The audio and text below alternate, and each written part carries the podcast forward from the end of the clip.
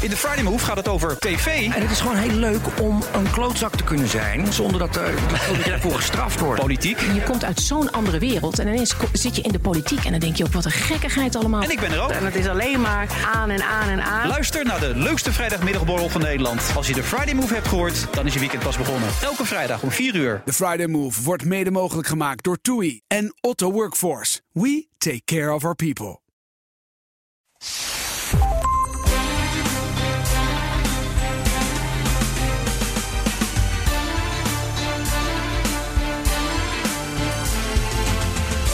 Welkom bij aflevering 9 van de Italië-podcast. De podcast waarin we op zoek gaan naar de ziel van Italië. Wat maakt dit land voor tegenstellingen zo onweerstaanbaar? Ik ben Evelien Redmeijer. En ik ben Donatello Piras. En in deze podcast van vandaag praten we over de verkiezingen. Afgelopen weekend, zondag en maandag, was het Super Election Weekend in Italië.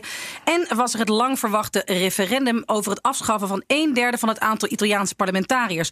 Ongekend in Italië. Nou, we houden het nog even spannend. Maar we gaan in ieder geval iets dieper op de achtergronden in van verkiezingen in Italië. Want jaarlijks zijn er altijd een paar verkiezingen die landelijke invloed hebben. En soms de regering ook tot afdwingen kunnen brengen. Meer dan in andere landen. En u krijgt een cultuurtip uiteraard. En dat is vandaag een documentaire gemaakt voor het Architectuurfestival in Rotterdam. Die in oktober in première gaat.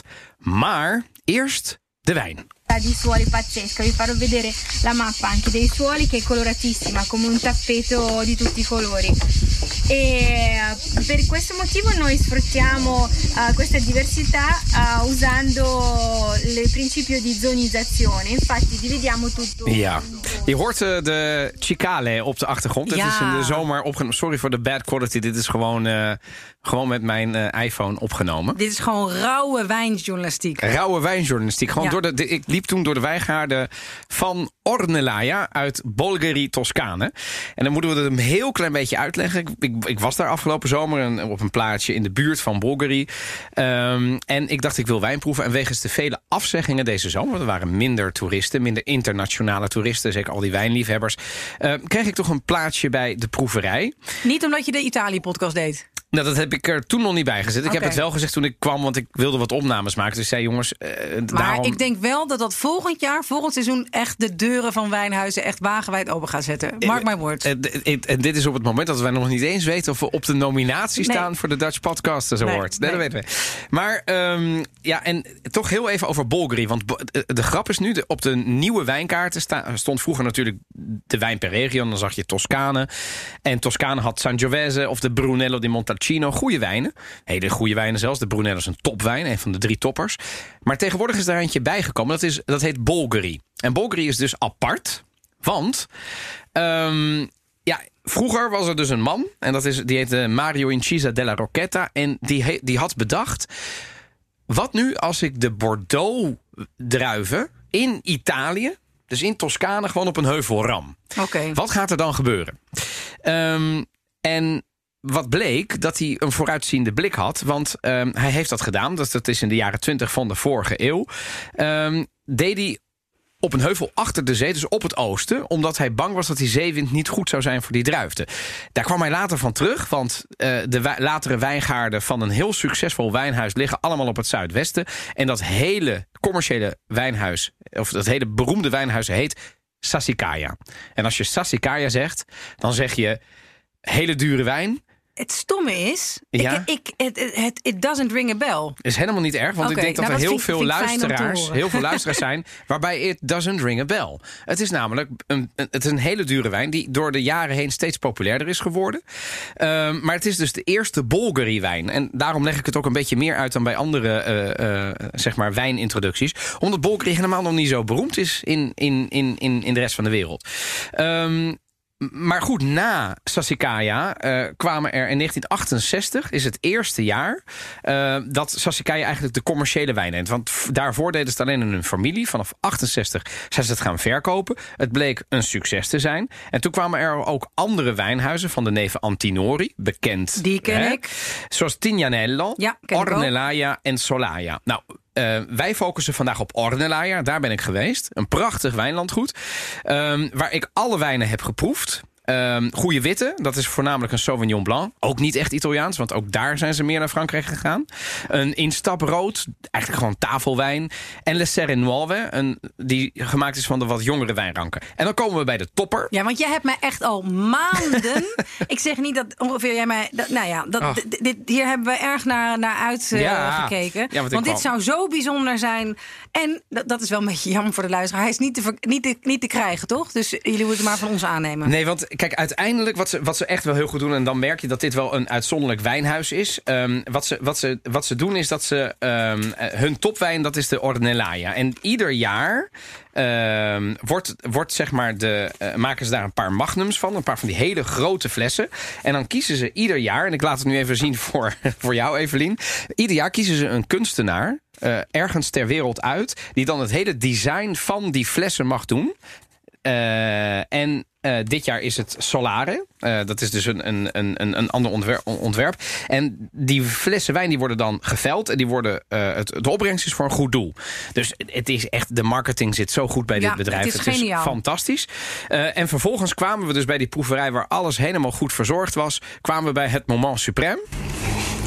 Allora, siamo arrivati al protagonista di questa giornata, il nostro Ornellaia 2017. Il nome Solare. Solare. Ja, Ja. we zijn nu bij de hoofdpersoon. Ja. Vi racconto un po' la- l'annata. Ze gaat het nu En vertellen. ze gaat het nu vertellen, nou, dat hoeft niet, want dat kan ik ook. En dat gaan maar we dat niet, mag je eh, niet, mocht je niet proeven. Jazeker, uiteraard. Oh, Want je oké. betaalt ook nog een, een bedrag voor die hele wijnproeverij. Ah, Krijg je een rondleiding. Ik heb hem geproefd, zeker. Alleen, ja, weet je, hij, hij begint bij 199 euro per fles. Die topwijn. Ehm, en wat ik heb gedaan is... ehm, Proef je daar dan aan? Vind je? ja, ja, ja, Kijk, ik ken ook Sassicaia. Ik heb, eh, die had ik tot een paar jaar geleden ook nooit gedronken. Inmiddels heb ik twee keer Sassicaia geproefd. Als je dat proeft, denk je, wauw.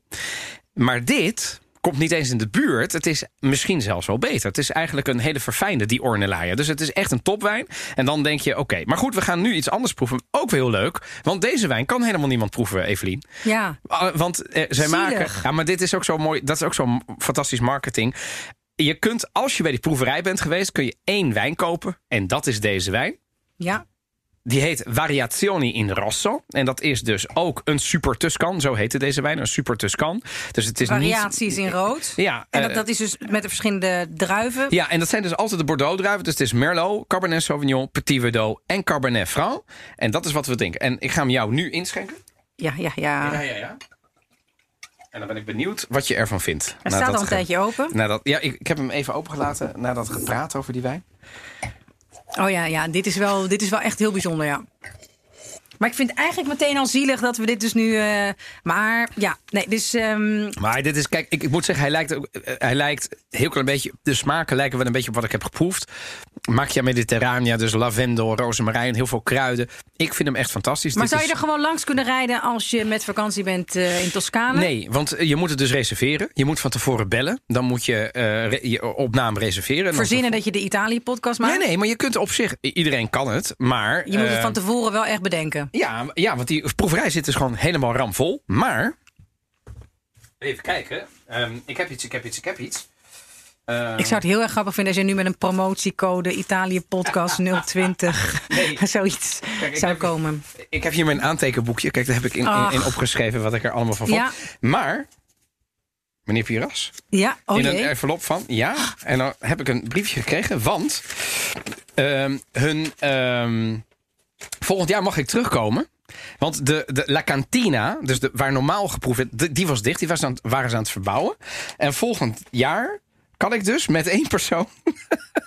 kan ik terug. Maar ik, had, ik denk dat ik er wel twee van kan maken. Dus als je mee wil. Ja, hallo. Ik dacht, Ja. ik krijg nu een soort tegoedbon. Je weet, ja, Als jij wil, als krijg jij hem van mij nu. Nee, nee, nee, dat is heel aardig. Nee, hoor, nee, nee, mag, nee, nee, nee. Want ik, ik weet namelijk dat jij nu in je eentje hebt, je hebt nu in je eentje moeten proeven. Klopt. Jouw eh, lieve echtgenoot heeft niet kunnen drinken Nee. eh, en niet kunnen proeven. Nee, want die is zwanger. Eigenlijk, Eh, Even voor de record, om, Ja. niet dat ik heel egoïstisch ben en haar gewoon even achtergelaten. ja, dus de, nee, die, die gun ik het eh, absoluut. Maar ehm, dank voor het meenemen van deze speciale wijn. Ja, maar dat is Heerlijk. echt een. top- Misschien helemaal aan het einde. Herinner me eraan dat we er nog Ja. één keer op terugkomen. Of die is. Het is. Dit is nou zo'n wijn waarvan iedereen zegt: waarom is die zo duur? Eh, Wat betaal je voor zo'n fles? Ook even handig dat we dat eh, maar meteen erbij vertellen: 50 euro. Zo. Ja, het is een dure. En dus moet je voor, dat doet zo'n 160 op de kaart in een, in een, in een restaurant. Wat niet kan, want hij wordt dus niet verkocht. Ehm, maar proef je het eraan? En dat is dan de vraag. Maar misschien moeten we die dan later Ja, eh, nog een keer beantwoorden. Oké.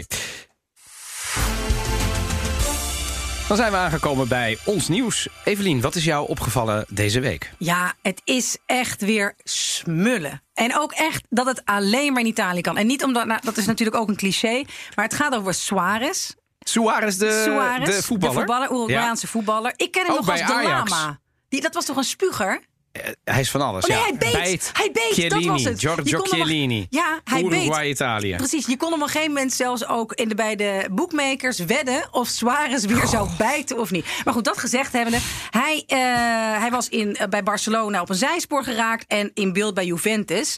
En ehm, eh, het grote aantal niet-Europese spe- eh, spelers bij de Italiaanse club maakte een paspoort voor deze Suarez. En dus een inburgeringscursus noodzakelijk. En dat zijn wel de dingen die ik me heb afgevraagd. Zitten die dan ook keurig hier in Nederland eh, de het en un te oefenen... of de vervoeging in Italië? Ja, dat vind ik ook een goede vraag. Ja, nou, dat bleek dus inderdaad ook wel mee te vallen in Italië. Hij moest ehm, eh, in Perugia examen doen. En eh, hij schijnt, eh, nou ja, dat schijnt allemaal doorgezogen kaart te zijn geweest. Eh, de, de, de kop die overal rondzingt, want het is Italië, dus zijn overal opnames van. Dat is altijd het meest bizarre ooit. Hè? Dus tussen officieren van justitie, tussen advocaten, tussen Er wordt politici. heel veel getapt, hè? Er wordt zoveel getapt. Je hoort ook gewoon, nou ja, er zijn echt bizarre dingen over Berlusconi die het over Merkel heeft. Nou ja, hier ging het dus over en de geweldige quote: hij kan nog geen werkwoord vervoegen.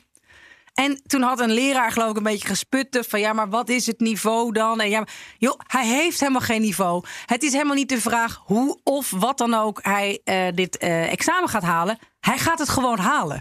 Punt. Want hij verdient 10 miljoen. Exact, hij verdient 10 miljoen en hij kost ook zoveel. Dus eh, hij is. eh, eh, nou ja, goed. Dus deze universiteit Maar even zodat we het begrijpen. in Perugia. daar is de directie wordt nu echt onderzocht door het Openbaar Ministerie in deze. Nou ja, Maar even voor de record, we hebben het nu dus over fraudezaak. Dat is op Ja. zich best ernstig, maar want het is niet oké om zomaar taalkursus, paspoort te geven. Maar jongens, ze zijn gewoon getapt. Ja, oh, dat vind jij het ergste van dit verhaal? Nou nee, ik vind een heleboel dingen erg. Maar ik vind in Nederland zien wij niet iedere dag op Nee. in de kranten letterlijke citaten, gewoon hele transcripties van taps. Nee. In Italië wel. Ja, het Ze maakt, je werk daar wel echt, het maakt je werk daar wel echt een stuk leuker als, eh, als correspondent. Ja. Maar ehm, ja, dus nu is het, het, het, eh, het Op- Openbaar Ministerie van Perugia noemde het al een farce, het hele examen. Maar ik vind het toch ook echt wel ernstig. Dat je dus Ja. ergens hoopt dat eh, dat soort dingen, hè, dus een taalexamen of iemand een paspoort verdient, dat het nog wel ergens ehm, ja, eerlijk gaat. Maar dus, nou ja, toch weer de treurige conclusie dat alles te koop is. En dat de regels voor iemand als Suarez eh, toch wel een stuk anders zijn. Maar wie weet dat hier op een gegeven moment een gigantisch schandaal van is- komt. En dat hij dus toch die rijtjes moet gaan leren zoals wij die ook ooit geleerd Maar dat hebben. hoeft hij niet meer te doen. Nee, want inmiddels heeft vandaag bij de opname van deze podcast... en dan komt morgen online, dus wij kunnen zeggen gisteren... ehm, heeft Juventus eh, Alvaro Morata gekocht van eh, Madrid, Atletico Madrid. Dus hij, hij, eh, Suarez komt helemaal niet Dus meer. die gaat geen rijtjes leren. Maar de universiteit Pestranieri, hè, dat in Perugia, wat echt een gerenommeerde universiteit, ja. waar heel veel mensen in het tussenjaar ik denk ook luisteraars gaan. van onze Italië-podcast. Ik denk, nou, Ongetwijfeld. zullen er minimaal een keer een semester aan gestudeerd hebben. Ja, die staan er eh, niet goed op, om het eh, maar even mild uit te drukken. Ja, en mijn nieuws komt eh, uit de Gazzetta dello Sport. De Italiaanse competitie is weer begonnen, de Serie A. En er is direct goed nieuws. Want het is niet alleen maar een slecht nieuwsshow. Vorig jaar was de VAR een enorm punt van discussie. Ik weet niet of je het een beetje hebt meegekregen... maar het was zelfs Nederlanders baalden van hoe de VAR in Italië werkte. Waarom? Nou, de VAR is natuurlijk op zich prima. Want vroeger kon je eh, eh, bijna wereldkampioen worden met een hensbal, zeg ja, maar. en daarna heel erg grappig zeggen dat het de hand van God was en dat soort dingen. En dat, Nou, want ja. Precies die. Ehm, en voetballiefhebbers die vinden dat je daar dan niet eens iets over mag zeggen. Want hè, dat, is, dat, ja, dat is ook een beetje de charme van het voetbal. Nou, ik behoor niet tot die categorie. Want ik vind als het doelpunt geen nee, het is goed is. om te weten hoe het werkt. Is Ja. eigenlijk, ik vond toen die VAR werd ingevoerd, was het natuurlijk wel een beetje raar. Vooral, ik vind dat mooi, dat shot dat je dan die, die lui voor die schermen ziet. Hè? Die zitten Ja. dan zo te kijken. Nou, dat is, heeft heeft wel bent een andere soort spanning in het, Het voetbal gebracht. span- ja, het is een soort heel raar moment. Maar je denkt wel eigenlijk, wat is het eigenlijk? Overal staan die camera's. We Ja. kunnen goed zien wat er gebeurd is. Dus shock daar één iemand achter die hele, die hele club eh, eh, rennende mannen aan. En er zijn twee lijnrechters. Het is toch ook wel heel gek dat we niet die camera's eens in gaan zetten... om te kijken wat er op het veld Kijk, gebeurt. an- Dus- eh, voetbal is een hele conservatieve sport, vind ik, ehm, wereldwijd. Andere sportbonden waren al lang zover. Eh, en voetbal volgt daar een beetje achteraan. En dat heeft altijd met die valse romantiek te maken. Want ja, jongens, weet dat hoort een beetje bij het voetbal. Nou, nogmaals, ik hoor niet tot die categorie. Maar, maar toen kwam de VAR. En eh, vorig jaar in de Serie A, vorig seizoen moet ik zeggen, was het zo dat bij iedere keer dat de hand de bal raakte, hands dus, de bal op de stip ging. Tot grote ergernis van ongeveer iedereen. Want dat is gewoon niet, weet je. Je je hebt ook nog zoiets als: ik heb mijn handen op mijn rug. Ik was bezig om ze terug te trekken. En vervolgens raakt die bal dan toch mijn, mijn hand. En verder was dat geen. Het, er kwam geen doelpunt uit, het was geen kans. Hup, bal op de stip. Ja, dat is ook spelbederf. Kortom, er waren echt heel veel ploegen die dat gebeurde en die daarvan baalden. Supporters boos. En nu is die regel, grazie a Dio, de scheidsrechters hebben ver- vergaderd, veranderd. Hij is afgeschaft. Dus volgend jaar niet meer bij iedere balcontact ehm, eh, eh, op de handen de bal op de stip. Maar dat moet ik ook nog maar zien. Want ja, dan gaan we eigenlijk weer terug naar oud. Dan krijg je weer de discussie. Ja, hij maakte wel een beweging naar de bal, hè? Dus die VAR gaat natuurlijk. Ik, ik had altijd gehoopt, het wordt de scheidsrechter, de ultieme scheidsrechter die, die, die feilloos ja of nee zegt. Dat gaat het niet worden. Nee, ja, maar en hoe zou, hoe zou je het dan, ehm, dan zien? Dat er gewoon een soort. Nou Ja. ja, ik, vind, ik vind dit goed. Ze hebben nu het geprobeerd. Het is te streng. Ze gaan het nu weer afschalen. Maar en we moeten het nog maar een seizoen doen. Ja, het is toch een beetje trial and error. Maar ik ben, En dat ik is ben dus niet blij. in andere competities zo geweest. Nee, dat is dan weer zo. Dat ieder, ieder land mag dan wel een beetje bepalen hoe streng ze zijn. En de UEFA geeft die vrijheid. En op een gegeven moment gaan ze hopelijk wel regels gelijk trekken en zeggen: zo is het. Maar Italië was wel een van de eerste landen die zei: van nou, laten we het maar eens gaan proberen ermee. Ehm, ja, nogmaals, ik moet het nog maar even zien ehm, hoe het uitpakt. Maar ik ben echt heel blij dat ehm, dit in ieder geval is veranderd. Hoera. Il 20 e il 21 settembre 2020, insieme alle altre consultazioni elettorali rinviate a causa dell'emergenza Covid-19, si terrà il referendum costituzionale in cui voteremo per confermare o bocciare le revisioni della Costituzione che riguardano la riduzione del numero dei parlamentari, ossia il numero di membri che compongono la Camera dei Deputati e il Senato della Repubblica. E allora ecco a voi tutto quello che dovete sapere per votare consapevolmente al referendum costituzionale del 20 Ja. e 21 Referendum. settembre. Overigens, over eh, uitspraak gesproken. Perfect Referendum. Italiaans, hè, dit? Ja, ja, ja, Dit is wel heel goed, hè? Ja, Ja, dit corso di dizione. Anyway, dit, dit keer gaan we het in de Italië-podcast ook even hebben over de verkiezingen. Want afgelopen weekend hebben ze plaatsgevonden. We weten inmiddels de uitslag natuurlijk ook al. En dit was de oproep voor het eh, eh, referendum constituzionale. Sul taglio dei parlamentari, oftewel, ze wilden eindelijk, we hebben het er al in andere Italië-podcasts over gehad, het afschaffen van het aantal parlementariërs. Ja, En dat, dat is, drastisch naar beneden brengen. ja, en dat, dat, dat heeft heel lang gesukkeld. Hè? Dat Ja. heeft niet maanden, maar jaren geduurd. Ze zeiden altijd, nu gaan we het doen. En dan stemden ze toch weer tegen. Maar nu hebben ze dus echt een referendum constitutionale. Kortom, dit mogen ze niet eens naast zich neerleggen. Dus als het volk ja zegt, dan gaan we het afschaffen. Als het volk nee zegt, ehm, dan gaan we het niet doen. Even voor de record. eh, Jij hebt natuurlijk heel lang in Italië ook ge- gewoond en gewerkt. Wanneer waren jouw laatste verkiezingen? Nou, dat was eigenlijk eh, ja, vorig jaar bij de Europese verkiezingen. Ehm, dus dat Ja, is. ehm, 2019. Ja, eh, mei, juni, juni, als ik me niet vergis. En dat was wel, ja, dat zijn een beetje aparte verkiezingen. Maar goed, dat, dat zijn de laatste Nooit heel verkiezingen. heftig natuurlijk. Nee, nee, maar eigenlijk zijn er altijd wel weer ergens verkiezingen. En die worden heel erg gezien als, nou ja, een beetje de, de, ja, de, de thermometer eh, op dat moment eh, in het land eh, voor hoe de regering het doet. En dit was natuurlijk, ja, er werd echt naast het referendum, wat voor heel Italië geldt en Italianen die in het buitenland wonen. Ik ben erg benieuwd wat jij hebt gestemd. Oh, ja. nou, En er werd, waren regionale verkiezingen. En re- een regio in Italië is wat bij ons de provincie zouden zijn. En daar werd in, even kijken, ik ben nu even aan het tellen, vijf werd er gestemd. Maar niet de minste, namelijk, eh, nee, zes. 1, 2, 3, 4, 5, 6, 7. Zeven, ja.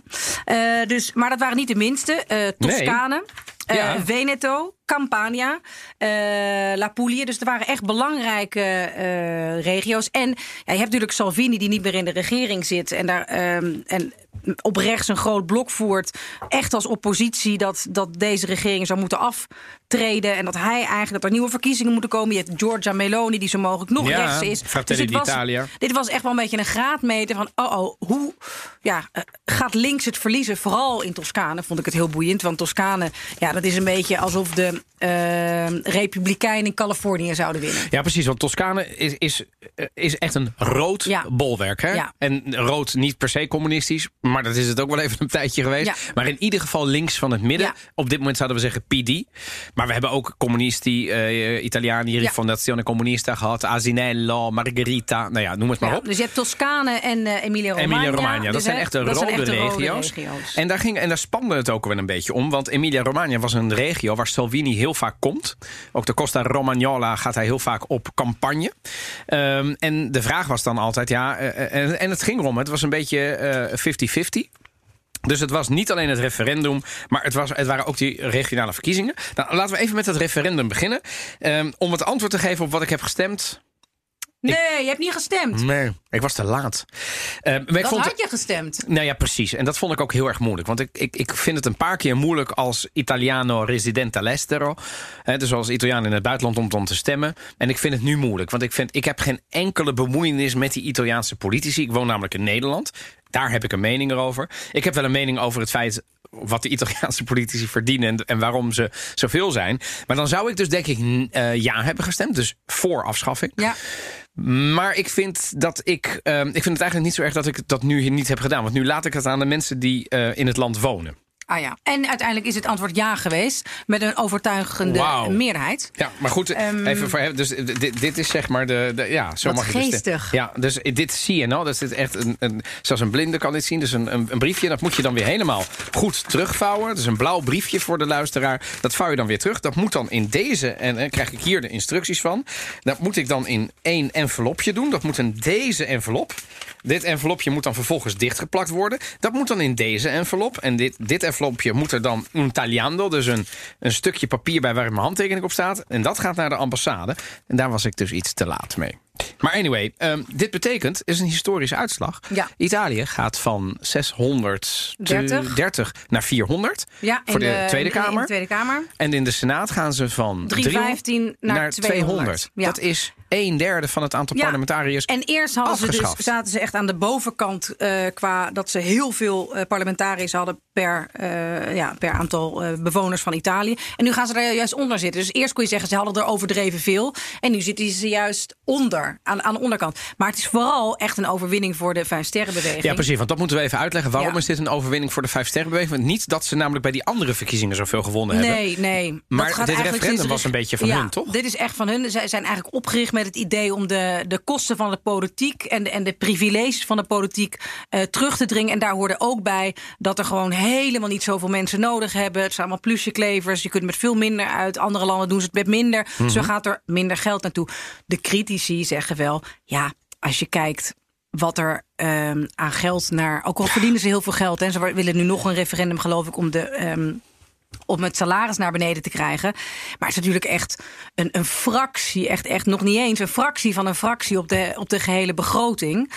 Ehm, maar goed, het is wel, ja, dit is dus, dus eh, zoals een referendum vaak een, een voor- of een tegenstem wordt, ook voor de persoon die het oppert. Zoals we bij Renzi hebben gezien in 2016. die moest aftreden. Ja, daar, die zei van nou, ik, eh, dit is mijn referendum. Als het niet goed gaat, dan ga ik weg. Nou ja, en toen ging het niet goed, want mensen zagen het gewoon van... nou, kan ik keer tegen Renzi stemmen, want dat, vind ik, dat is gewoon niet mijn man. Mensen hadden dit ook kunnen opvatten als... ja, ik, ga, ik, ik heb niks met die vijf sterrenbeweging... dat het een stem voor of tegen de vijf sterrenbeweging zou worden. Is niet gebeurd, dus dit is gewoon echt een overwinning. Ja. Waardoor de vijf sterrenbeweging in de peilingen... en nu ook in de resultaten gewoon het niet zo goed doet. Eh, Nee, want dat is natuurlijk het rare. Eh, eh, Je, je zou wel kunnen zeggen... Kijk, die Vijf Sterrenbeweging heeft dit ontegenzeggelijk geïnitieerd. Maar ze doen het in die resultaten niet zo goed. Hè? Dus ze hebben in geen van de regio's echt gewonnen. Misschien hebben ze marginaal een paar zetels... maar ze hebben niet nergens de, Nee, de, nee, de, de, de leider neergezet. Dat is of centrum links, PD... of centrum rechts, Lega of een Ja. andere. Ehm, maar toch, ehm, omdat zij dit natuurlijk hebben geïnitieerd, Ja. zeg je, eh, eh, eh, dit is echt de winst van de vijf sterren. Zo hebben Ja. ze het zelf ook geclaimd. Hè? Want die Nou, Maai, die heeft gezegd, de- hier zijn wij ooit mee begonnen, is waar. Ja. En dit is, Dat is ook zo. Ja, en een van de dingen die, waar, waarom ik echt wat twijfelde, ehm, om ja te zeggen, was omdat uiteindelijk, en ik weet wel dat in Italië de mensen zich terecht niet vertegenwoordigd voelen door de parlementariërs in Rome. Mhm. Maar het aloude idee van die vertegenwoordiging in Rome is er natuurlijk wel zo dat je per, weet ik het, hè, x aantal honderdduizend inwoners, heb je ergens een parlementariër zitten. che ti fa i, i tuoi interessi, zeg maar. Ja. Die, die, die jouw belangen behartigt. Dat, dat gaat met deze eh, afschaffing in Italië wel hard naar beneden. Ja. Dus het betekent dat er Het minder. gaat zo hard naar beneden dat het dus nu e- eerder aan de onderkant Het zit. zit nu eerder aan Ja. de onderkant van Europa. Ja. Dus we zijn, bedoel, het is ook weer echt Italië. Het is hollen of stilstaan. Het is niet dat we zeggen, nou dan Nee. doen we er eens even 5% van. Nee, bam, een derde. Ja. Dat is heel fors. En daarom twijfelde ik erg om het te doen. Maar het Dat is snap echt een- ik. Ik ken meerdere mensen, grappig genoeg, in Italië. Eh, de mensen die dichtst bij mij staan, die hebben allemaal niet gestemd. Zeiden, Ja, ik weet het, ik weet het gewoon echt niet. Nee, en, en dat dus zie dan, je altijd. Dan, dan snap ik wel eh, dat, dat je niet stemt. Maar waar deze verkiezingen natuurlijk interessant voor waren... het was de eerste eh, ja, echte, echte proef na, eh, van, van de corona-aanpak. Ja, zeker. Ja. En ook van deze toch wel gekke samenge, ge- eh, ja, samengestelde regering van de Vijf Sterrenbeweging. Die Salvini heeft gedist, waar de PD, bij is gekomen van op links. En waarvan iedereen had zei: ja, maar die houden het nog, eh, nog geen week met, met, met elkaar vol. Toen Want het kwam enige, corona. Het enige wat ze bindt is dat ze Salvini niet in de regering willen krijgen. Nou, dat, Dus- bleek dus- toch een goed bindmiddel. Nou ja, corona bleek een bind. Want het is En natuurlijk wel een beetje waar dat die twee partijen. Kijk, eigenlijk haten die twee partijen elkaar ook. Hè? Want Dat weet ik niet. Ik denk af en toe dat die veel meer gemeen hebben dan. eh, Oh, dat is ook wel ja. zo. Maar de, de leiders van die partijen, zeker in het begin. eh, Zeker. Grillo en, en, en Renzi, om het even zo te zeggen, die konden elkaar niet luchten of zien. Maar goed, eh, zo zie je maar weer dat eh, tijd hield alle wonden. Nu zijn Ja. er nieuwe leiders. We hebben Conte, die is eigenlijk door, die is eigenlijk partijloos. Maar laten we eerlijk zijn, die is er door de eh Vijf Sterrenbeweging neergezet. Ja, en die heeft toch echt wel eh, vriend, maar vooral vijand verrast. Zeker. Met, eh, want iedereen, wat, wat, waar komt deze man vandaan? Dat had hij ook nog in het begin, weet ik nog, bij de landelijke verkiezingen. Toen kwamen ze met Conte op. Toen had hij ook, geloof ik, heel erg zijn cv opgeblazen. En in allerlei, aan in allerlei universiteiten. eh, Gedoseerd. Gedoseerd, Ja. waar ze nog nooit van de beste man gehoord hadden. En iedereen dacht, ja, maar toch in die coronatijd heeft hij toch wel heel veel Italianen eh, vertrouwen gegeven. En eh, de consensus Zeker. eh, is groot. En ook al is hij dus zogenaamd staat hij boven de partij. Het straalt wel ook Contes succes straalt op de Vijf Sterrenbeweging af. Dus je hebt aan de ene kant in mijn ogen de Vijf Sterrenbeweging... die dus in de regering zit, die die winst heeft van het referendum. En PD, die dan nu toch eigenlijk toch Toscane behoudt. Nou, dat- Campania kijk, dat eh, was natuurlijk. Het was, het was, hè, ik zit nu te kijken naar het kaartje. Eh, Emilia-Romagna, Toscana, Campania en Puglia. Grote, belangrijke Ja, ja, race. ja. Zeker Campania, niet te onderschatten. Maar Toscana en Emilia-Romagna waren natuurlijk zo belangrijk. Als, dat, als dat zou vallen, ja, dat, dat is meer dan het vallen van de regio alleen. Dat, dat is een enorm signaal aan bijvoorbeeld centrum rechts van jongens. Maar nu ligt het, ligt het land voor het oprapen. Hè. Dat is, is meer dan een swing state, zeg maar. Dit. En dat is niet gebeurd. Dus we moeten gewoon constateren dat september 2020 wel de meeste eh, regio's naar centrum-rechts zijn. Dat was in 2014 was dat totaal andersom. Had je meer centrum-links, rode eh, regio's. Maar nu is dat helemaal anders. Hè, waarin 2000, eh, begin dit jaar waren er 12 voor rechts en 7 voor links. Nu is dat al geslonken tot 14 voor rechts en 5 voor links. Ehm, maar ik vind het op zich toch wel knap. eh, dat, het, dat het in ieder geval is gelukt. En ehm, dat, dit is natuurlijk Ik altijd... denk dat er serieus ook in Brussel Ja. en, ze- oh, Ja. en in Den Haag er ook echt wel eh, opluchting is. Ja, want nu heb je weer een beetje politieke stabiliteit. Ja. Want we zeiden dat al een beetje bij de opening van ons hoofdonderwerp. Het is in Italië veel vaker dan in andere landen zo... dat op het moment dat er regionale verkiezingen zijn... dat ook de landelijke regering moet vrezen. Wat eigenlijk heel gek is. Maar dat komt natuurlijk omdat die regio's ook heel veel macht hebben. Als je kijkt naar Lombardije, daar woont 10 miljoen Italianen. Dus een zesde van de Italianen woont in die regio. Als die leider van die regio tegen de regering ingaat... Ja, dan wordt het echt knap lastig. En vooral nu met corona. Precies. Ik denk even hardop. En, en daar zag ik het zwart in hoor. Ja, ja, Ik dacht, als dit nu helemaal omgaat, ja, dan, dan heeft deze regering eigenlijk geen kans. Want als, je, als alle regio's van rechts zijn, maar je regering is centrum links. En dan ja, komt dat een wordt crisis. echt een lastig verhaal. Dan was het echt, dan was het Ja. nu niet gevallen als in vandaag. Maar dat hadden we bij de eerste volgende crisis in november bij een eventuele maatregel.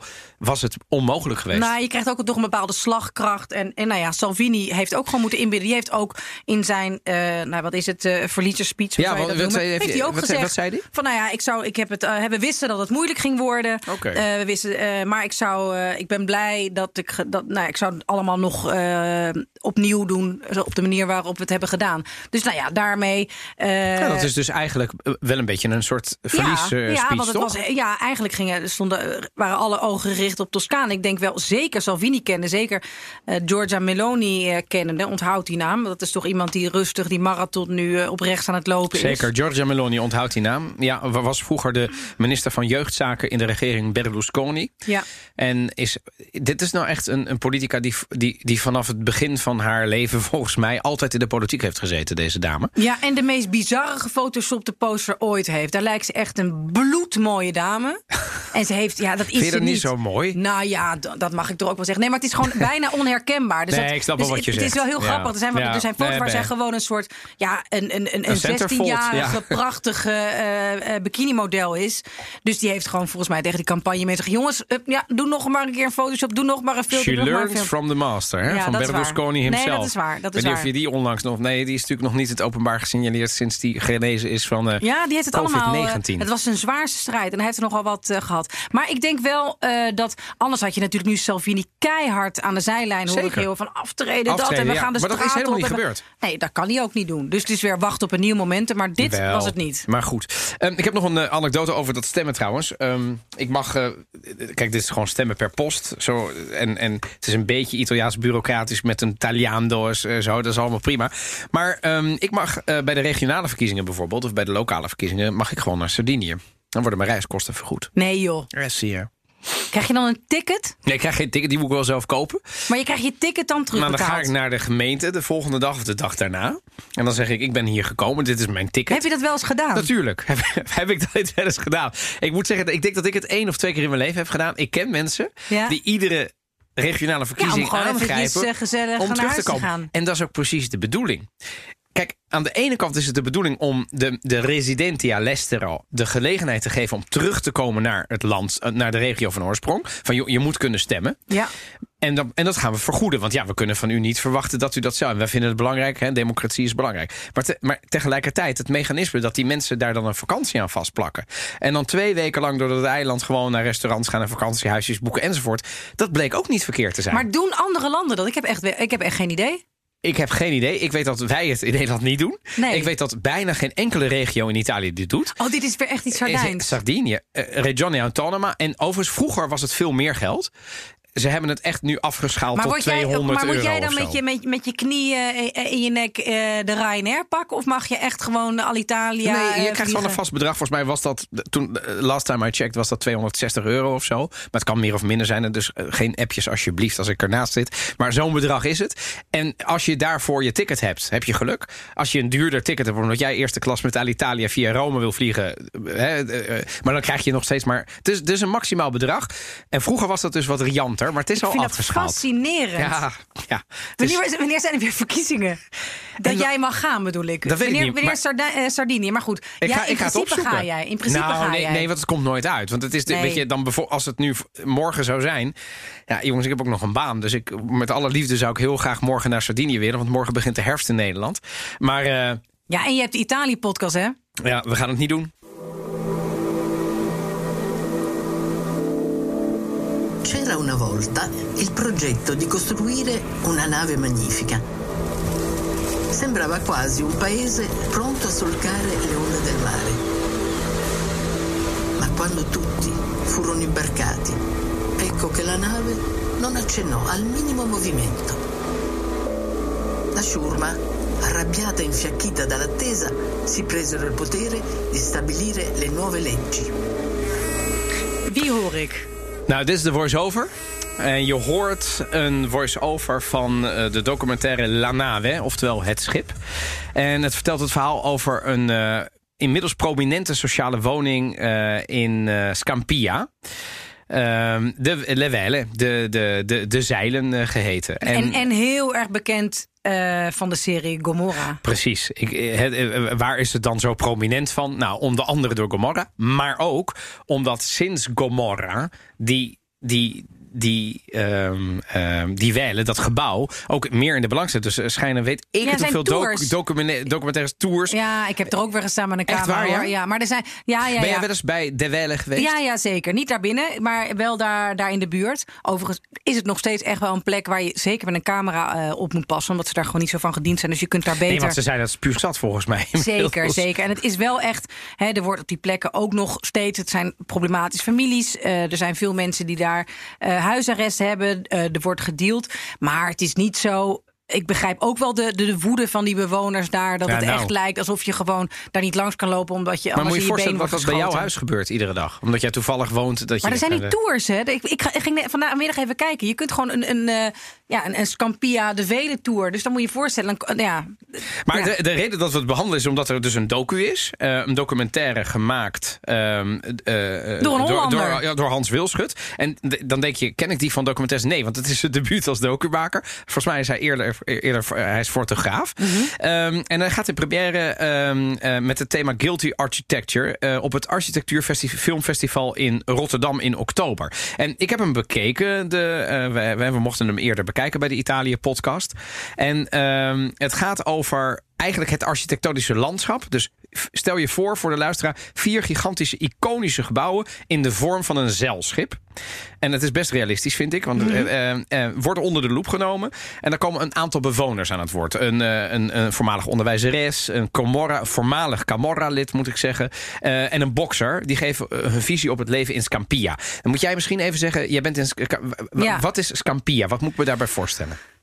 Ja, Scampia is gewoon eh, een wijk waar eigenlijk heel Het snel... is een wijk in Napels, Een hè? wijk in Napels, echt een buitenwijk... waar gewoon heel snel eh, in de jaren 60 eh, naoorlogs... gewoon flats uit de grond zijn gestampt... eh, waar dan de, ja, de, de- eigenlijk de arm, armste families Ja. eh, zitten. Dus het is echt, En- we mogen het wel een achterbuurt noemen, toch? extreme achterbuurt. Ja, en ook heel veel van die gebouwen zijn zo gemaakt dat er van die portieken zijn en van die binnenplaatsen. En dat is gewoon ja, ideaal om te dealen en om gewoon allerlei dingen te doen die je uit, ja, buiten het zicht van de politie wil doen. Die daar gewoon ook. het, is wel, het schijnt wel echt beter te zijn geworden. Ik heb daar dus ook reportages gemaakt. Dat er zijn echt geweldige initiatieven om ook vooral die jeugd eh, nou ja, op, op een beter spoor te krijgen en te houden. Maar er zijn ongelooflijk veel. eh, ja, ik was bij een of andere balletles. En toen zei ze: Ja, nee. eh, bij ieder, ieder meisje wat je nu ziet, heeft een ouder in de, in de gevangenis Gevangenis. zitten. En de meeste allebei. En Christos Santo. Ja, nee, en dan zit je wel van: Oh ja, maar dit zijn ook gewoon lieve meisjes met krulletjes en, eh, en roze tutuutje. Maar, het is, kijk, Maar, ja, dat is natuurlijk de, de sociale problematiek in Napels en zeker in dit ik wil soort nog een buurten. beetje van die wijn. Ja, Ja, ik- certo, wij, wie- kom maar. ik- ja, heel ja. goed. Maar, eh, eh, una parentesi. Hè, Ja, una parentesi. Ja, wat, wat vinden we ervan? Ja, het- ik vind het toch wel echt wel heel bijzonder. En ik weet ook ook wel weer dan. eh, nee, je moet wel eens eh, wat mee naar huis nemen. Nee, een heel klein beetje. Dus- maar, ehm, nee, het is echt wel We drinken hem niet voor niks hier in de Italië-podcast. Bijzondere wijn. Normaal doen we een toegankelijke wijn. We gaan overigens in de show notes er even bij zetten... waar je dit in Nederland kunt aanschaffen. Want Ja. het is ook niet dat iedere wijnboer op de hoek deze wijn heeft. Sowieso de wijn die we nu proeven niet. Maar je kunt eh, de twee andere Ja. eh, eh, kun je wel gewoon kopen. Dus dat is echt een fantastische. Maar even terug naar Scampia. Kijk, ik heb die film, die documentaire bekeken. Het duurt volgens mij een kleine 40 minuten. Ehm, van eh, Hans Wilschut, regisseur. En ehm, die, die doet heel veel met de urbane wereld. Ehm, en wat mij wel ver, nou ja, verbaasde, niet zozeer in de documentaire... maar dat ik er zo naar ging kijken... is hoezeer een gebouw effect heeft op... ja, hoe je leeft. Hè. Dit is dus, eh, en ik zag inderdaad, want het zit vol met shots van de totale vergane eh, gebouw eigenlijk. Hè, Ja. Want het is echt niet meer in goede staat. En het wordt ook, dat is de reden, hij wordt afgebroken. Ja. Ze gaan Ja. hem afbreken. Ehm, en ehm, je ziet daar dus, het is ook echt opgebouwd als een schip, ook binnen. Dus je ziet van die lange gangen met van die loopbruggen eroverheen. Ja, het is een soort cruiseschip van binnen. het is een cruiseschip Ja, ja. van binnen. Het idee is fantastisch, maar het is een ideale plek, zoals jij al terecht zegt, om bijvoorbeeld te dealen. Om je te verstoppen. Om iemand om te leggen. Om, om te gillen, de politie komt eraan. En, eh, Precies. ja, ja, ja, ja. Om eh, je vuilnis neer te kwakken, waardoor niemand er meer naar kijkt. Om je auto eh, eh, uit te laten branden. En nou, van alles. En het is ook allemaal gebeurd. Ehm, en en zo'n gebouw laat dus ook echt wel zien hoe, hoe belangrijk het is dat mensen, hoe hoe rijk of hoe arm ook, hoe, hoe hoeveel geld je ook hebt, dat het heel belangrijk is in wat voor type woning je woont. Als de woning al slecht is, hoe kun je dan van die mensen dat verwachten? En, het citaat wat mij in die docu het meest heeft aangegrepen, ehm, is volgens mij van die, eh, van die bokser die zei: Ja, eh, toen ik er kwam, dacht ik. Ja, er wonen hier duizend mensen. Maar ik voelde me totaal eenzaam. En ik snapte dat, want het is omdat je op zo'n schip... ik zie mezelf ook op zo'n schip lopen... dan voel je dan ben je ook niet... want niemand kent elkaar verder. Je bent op reis ergens naartoe. Dat is het idee van een schip. En je gaat daar mensen bezoeken. Dus ik vond het een, ehm, een, een interessante docu, om het zo te zien. Om het zo te zeggen. Maar eh, jij hebt ook een stukje gekeken. Ik heb ook, ik heb hem nog niet helemaal gezien. Eh, ik, vond het, ik vind het eh, fascinerend dat een keer dat dat gebouw echt, dat dat het uitgangspunt is dat een architect daarnaar kijkt. Wat zo'n wat zo'n gebouw daaraan heeft bijgedragen, die totale verloedering, die, nou ja, dat het een symbool is geworden van de, van de, van de Gomorra, van, nou ja, goed, en ook nou ja, van huiselijk geweld tot, wat dan ook. Alles wat, wat, wat het daglicht niet kon verdragen, gebeurde daar. Dat is natuurlijk niet het schuld van een gebouw, maar dat dus zo'n gebouw daar wel een rol in kan spelen. Wat in ieder geval gemakkelijker maakt. En ik vind het ook, ja, het is gewoon een iconisch gebouw. En er is ook wel iets, ja, nee, het is wel goed dat het wordt, dat, dat het, eh, dat het wordt afgebroken, maar. Ik vind ze op zich vind ik het niet lelijk. Maar misschien is dat heel nee, nee, erg. maar eh, ik ook niet. Alleen eh, ik, eh, eh, aan het begin van de film zie je hem, denk je, wauw. Ja, ja. En dan vervolgens denk je, nou best mooi. En dan vervolgens, oh, hoe ja, meer je inzoomt, ja, dat is ook wel weer mooi. Ja. Het is een beetje, weet je, eh, dan, dan, dan denk je, oh, maar dit is echt helemaal vergane glorie. Oh, wonen hier mensen? En dan zie je die mensen daar lopen. En dan, denk, en dan heb je gewoon medelijden met die mensen. En dan betrap je jezelf daarop. Dus het is ook een mooie spiegel voor jezelf, hoe je daar naar kijkt. Kortom, de première is op het. Filmfestival, het Architectuur Filmfestival in Rotterdam. Start in oktober. En eh, kijk, eh, want tickets zijn nog steeds eh, te verkrijgen op de site van het eh, Filmfestival. En dit was alweer aflevering 9 van de Italië-podcast. Blijf vooral luisteren, blijf reageren. Tips, suggesties, wijnsuggesties, cultuursuggesties. Sponsors. Sponsoren heel graag. En natuurlijk genieten we ook van al jullie complimenten. En ja, toch nog even, we zijn gerecenseerd hè Evelien? Ja, Dat was wel heftig.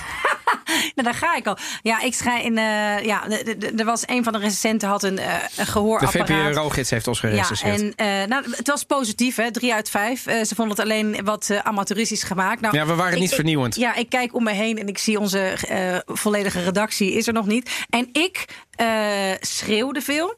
En jij deed af en toe mee, Donatello. ik Dus het liet was me niet een- verleiden tot meeschreeuwen. Ja, maar ik had een we, stemvolume, maar er werd bijna met ontzag over gesproken. Maar goed, dus ik, Eigenlijk maken we een hele gepassioneerde podcast. ja, maar dat werd wel bij Italië. gezegd. Ik moest wel lachen. Dat, de, nou ja, er werd wel ook gezegd van ja, maar alle Italianen praten luidruchtig. Ik zet mijn hoorapparaat aan als ik de Alpen over ben. Ja, wacht even. Dus- Vincent Bijlo was ja. een van de recensenten. En die bleek niet alleen blind, maar ook doof. Dat wist ik niet. Wist of ik of slechthorend. Ja. het- eh, hij is niet doof. Ehm, en, en, en, en volgens mij waren ze ook niet allemaal een even grote Italië-fan. Nee, nee, nee. Maar ik vind het in ieder geval al een eer dat we Zeker. gerecenseerd zijn. Zeker, Zo zie ik dat zeker, maar. zeker. Dus, ehm, Dus doe dat ook. dus eh, doe dat zeker. Eh, nomineer ons ehm, en eh, geef vooral commentaar. En de volgende keer, Evelien, gaan we ja, het hebben. haha, schrik niet, schrik niet, schrik niet. Over de vrouwenzaak. Italië is natuurlijk beroemd om zijn televisieprogramma's... waarbij oudere presentatoren omringd worden door meisjes in bikini. Nog steeds? Ja, nog steeds. In mijn studententijd stond er om die reden... bij menig mannenstudentenhuis Rayoen op de achtergrond aan. Ja, ja. Eh, maar is daar inmiddels iets aan veranderd? Gaat Italië een beetje met zijn tijd mee? En hoe doen Italiaanse vrouwen op de arbeidsmarkt... vergeleken met bijvoorbeeld Nederland? Nou ja, genoeg om over te praten volgende keer. Ja. Wil je nog meer afleveringen van de Italië-podcast luisteren? Dan vind je ons in de BNR-app of in je favoriete podcastplayer. Dus bedankt voor het luisteren en heel graag tot de volgende Italië-podcast. Ciao, Ciao. ciao. Ciao, ciao.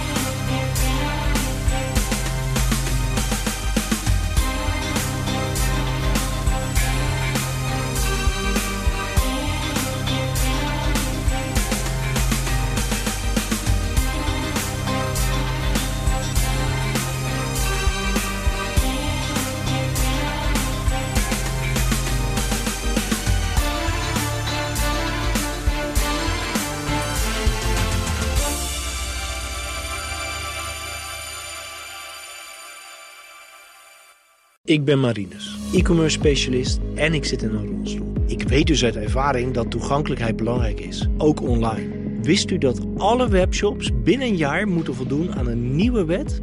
Dat is de Europese toegankelijkheidswet. Dit is een behoorlijke uitdaging. Voor hulp kijk op sqli.com/bnr.